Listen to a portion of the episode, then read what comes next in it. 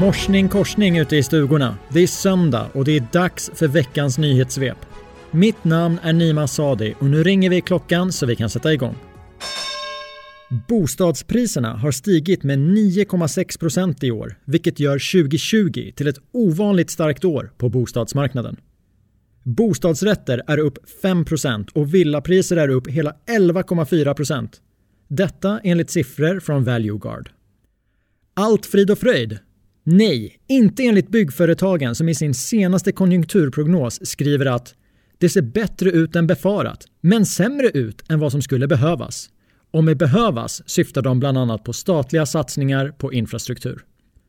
Och de verkar ha fått gehör då nya siffror pekar på att det offentliga anläggningsbyggandet ökar med 12% i år och 10% under 2020. Detta enligt byggföretagens egen prognos. Husbyggnad då? I den senaste konjunkturrapporten från Navet Analytics är analytikerna överens om att husbyggnadsinvesteringar i Sverige kommer minska. Men det verkar vara rätt stora regionala skillnader. I storstadslänen väntas investeringarna minska med 5% medan det i Sydsverige och Norrland bedöms minska med cirka 15% I det som i rapporten kallas för Mellansverige däremot väntas investeringarna växa i år. Hashtag höj schablonbeloppet för traktamente. Eller vad säger ni byggföretagen? Vi är ju trots allt mitt i en pandemi. År 2020 kommer att gå till historien.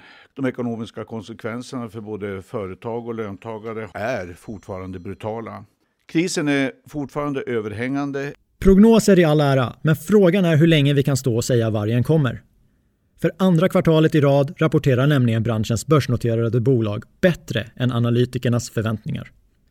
JM och Peab presenterade sina kvartalsrapporter i veckan och båda bolagen levererade resultat på en högre nivå än förhandstipsen. Både JM och Peab har under krisen hållit uppe produktionen av bostäder, vilket gör att de har bra projekt att sälja nu när efterfrågan ökar. JM är i stort sett renodlade mot bostäder, men även för Peab står bostadsproduktionen för 37% av byggrörelsen. En byggbransch beroende av statliga stöd och investeringar på grund av pandemi? Jag vet inte. Går vi på siffrorna som redovisas så verkar det inte direkt vara så.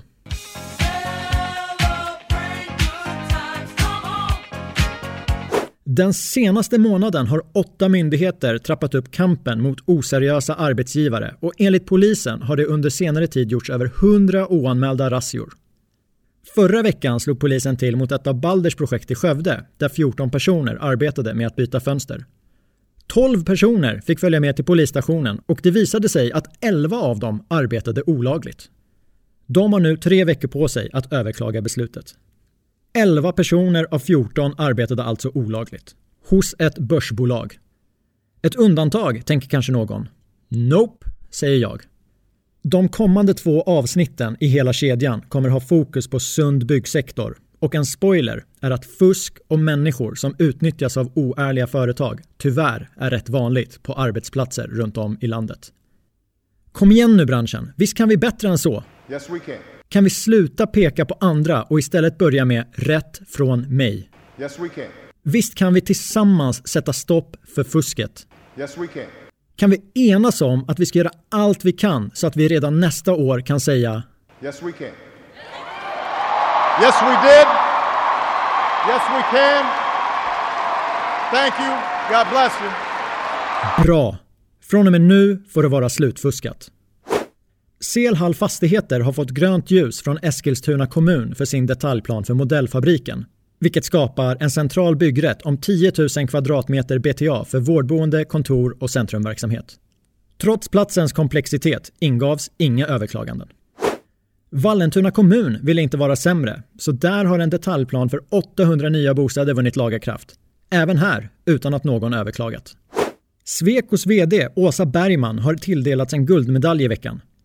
Det är Kungliga Ingenjörsvetenskapsakademin som uppmärksammar Åsa och innan jag läser upp motiveringen så tänker jag att jag sätter på lite mariachi-musik så vi får en lite härligare stämning. För hennes stora förmåga att leda samverkande specialister inom arkitektur och teknik och att utveckla ett ledande konsultföretag inom samhällsbyggnad i Europa.